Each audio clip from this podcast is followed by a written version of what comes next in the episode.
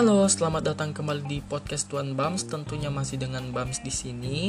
Dan pada malam hari ini kita tidak akan menceritakan hal-hal yang membawa pikiran teman-teman atau proses otak teman-teman berpikir dua kali lipat atau membuatnya kelelahan. Dan juga tidak akan membahas hal-hal yang membuat suasana hati teman-teman terbawa suasana. Karena kenapa? Karena pada malam hari ini saya ingin menceritakan keresahan saya sebagai seorang pengurus lembaga. Nah, di podcast sebelumnya yang berjudul kuliah online, teman-teman sempat mendengarkan bahwa saya uh, saat ini sedang mengurus di sebuah lembaga. Nah, hasilnya adalah teman-teman dari beberapa teman-teman yang sudah mendengarkan mempertanyakan lembaga apa sih yang sebenarnya sedang saya urusi sekarang, maka dari itu dengan bangga saya memperkenalkan LPM Psikogenesis sebagai lembaga yang sedang saya urusi. Apa sih LPM Psikogenesis itu? LPM Psikogenesis itu sendiri adalah sebuah lembaga pers mahasiswa yang di mana sebagai seorang yang membahas tentang pers ya tentu saja kita berkaitan erat sama jurnalistik. Nah, di sini kami memberitakan hal-hal yang fenomena yang sedang terjadi dan juga hal-hal secara umum yang menyangkut masyarakat luas. Tetapi khususnya ya kami membahas tentang kampus kita sendiri kampus kami sendiri yaitu uh, fakultas psikologi. Nah ada apa saja sih di LPM psikogenesis itu sendiri? Nah di LPM psikogenesis itu sendiri terdapat tiga departemen Ingat ya teman-teman, tiga ya, bukan empat, bukan lima, tetapi tiga. Tiga departemen ini yaitu DEPA PP, Litbang, dan KWU. DEPA PP sendiri adalah departemen yang membahas tentang peliputan dan pemberitaan. Teman-teman yang berada di departemen ini mengelola berita dan membuat uh, menerbitkannya di web psikogenesis di ataupun mengabarinya di akun-akun media sosial yang dimiliki oleh psikogenesis. Tetapi bukan berarti hanya teman-teman DPP saja yang membuat berita. Teman-teman departemen lain juga membantunya, Litbang membantu, KWU juga membantu. Kita sama-sama bersinergi dalam mencari berita dan membuatnya. Nah, kemudian ada Departemen Litbang. Departemen Litbang ini sendiri adalah departemen yang melakukan penelitian dan pengembangan. Maksudnya di sini adalah meneliti dan mengembangkan uh, secara internal maupun eksternal. Nah, di, tapi fokusnya ke internal sih. Nah, di Litbang sendiri ini kerjanya ya kurang lebih membuat kaderisasi ataupun melakukan riset dan beberapa hal-hal yang mengembangkan pengurus dan juga anggota lainnya. Nah, sebagai tambahan nih, beberapa jam dari sebelum podcast ini terbit, teman-teman Litbang baru saja um, merilis sebuah hasil riset mereka yang pertama kali yang berjudul kuliah daring. Nah, di sini maksudnya kuliah daring adalah uh, teman-teman uh, bisa lihat sendiri apa sih hasil risetnya agar teman-teman penasaran. Ya, teman-teman bisa uh, mencarinya hasil riset itu sendiri di Instagram LPM Psikogenesis. Apa sih Instagramnya? Instagramnya adalah jurnalistik.psikogenesis.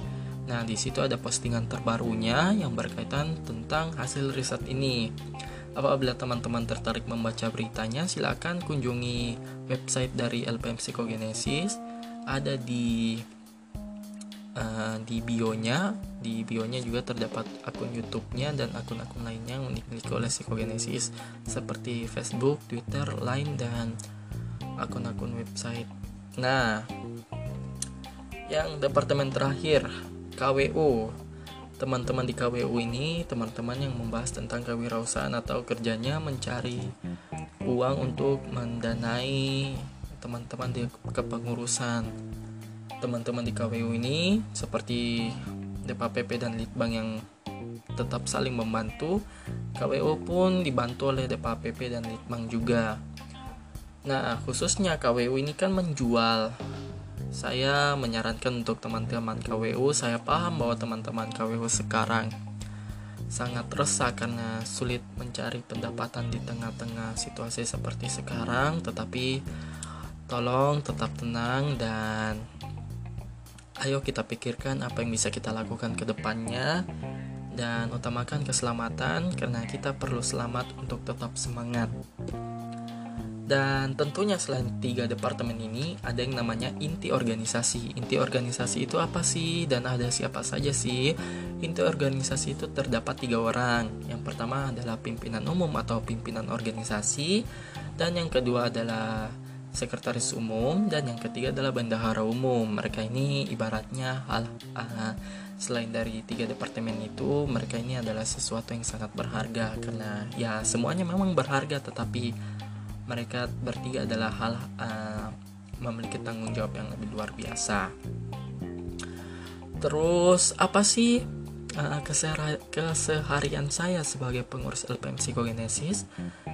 Ya keseharian saya di kampus sebagai pengurus LPM Psikogenesis bisa dikatakan saya apabila dari kos ataupun dari rumah bila mau ke kampus saya bukan ke kelas pertama kali tetapi ke sekret pertama kali. Saya menyimpan barang di sana, uh, tiduran di sana, bahkan beberapa kali tidur di sana, bermalam di sana.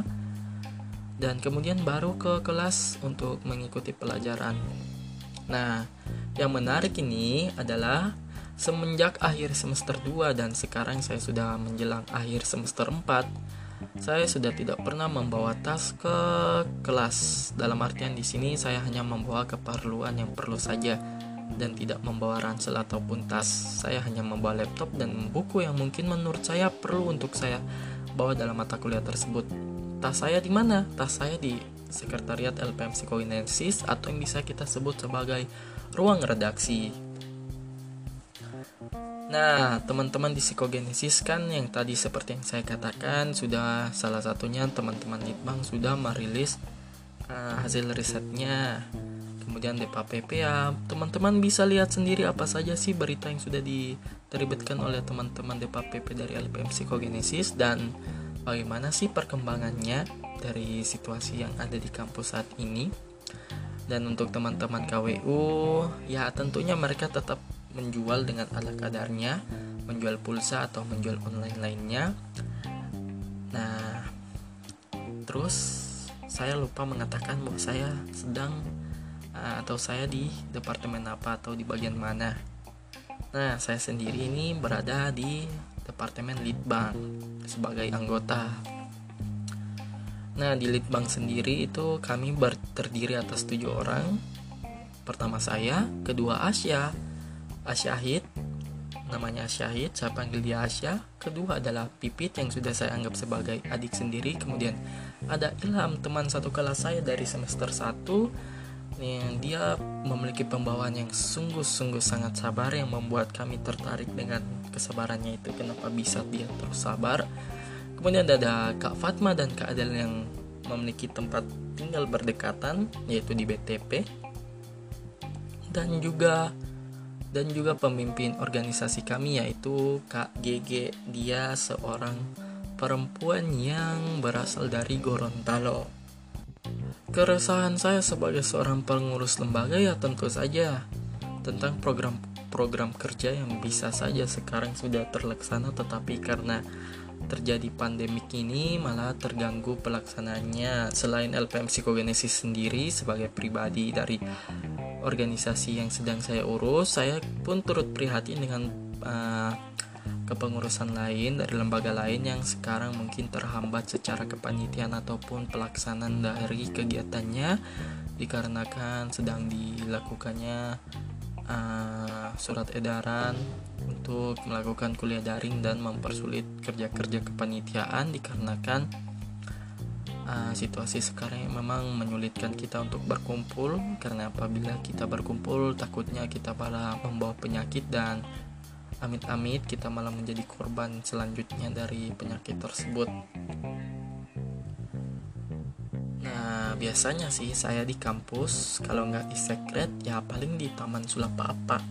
Taman Sulapapa ini teman yang di depan Fakultas Psikologi atau Nah, biasanya sih dia dipanggil dengan singkatan Taman Magic karena ada kata sulap di namanya. Nah, di Taman Magic ini sendiri saya biasa bercengkrama dengan teman-teman angkatan atau kakak-kakak tingkat ataupun adik tingkat membahas tentang ya perkuliahan atau sedikit gibahan-gibahan yang bisa menjadi bahan-bahan pembicaraan lah mempererat silaturahmi lah bahasanya Nah, kalau teman angkatan saya sendiri selain dari teman-teman pengurus LPM psikogenesis, biasanya ya saya bercerita paling erat itu atau paling dekat dengan teman-teman micin. Apa sih teman-teman micin itu? Nah, teman-teman micin ini teman-teman yang berisikan 11 orang. Terlebih dahulu mereka berisikan 9 orang, tapi kemudian bertambah menjadi 11 orang. Siapa saja mereka? Mereka adalah perempuan semua, yang mana mereka dalam um,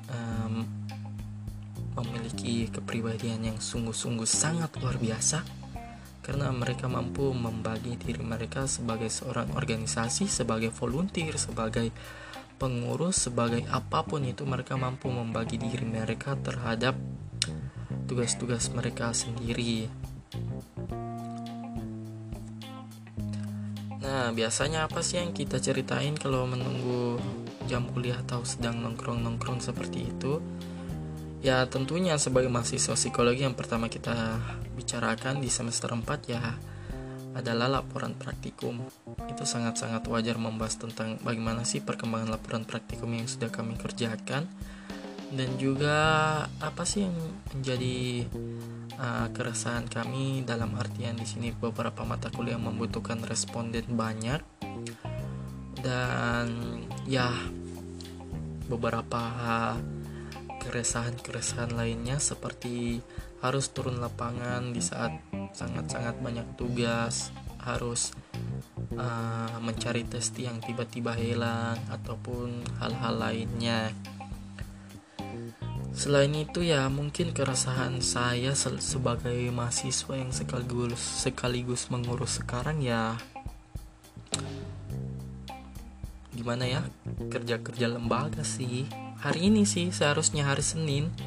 Uh, kami sudah melakukan rapat redaksi. Rapat redaksi sendiri itu rapat-rapat uh, rapat yang diadakan oleh LPM Psikogenesis dalam upaya mencari berita.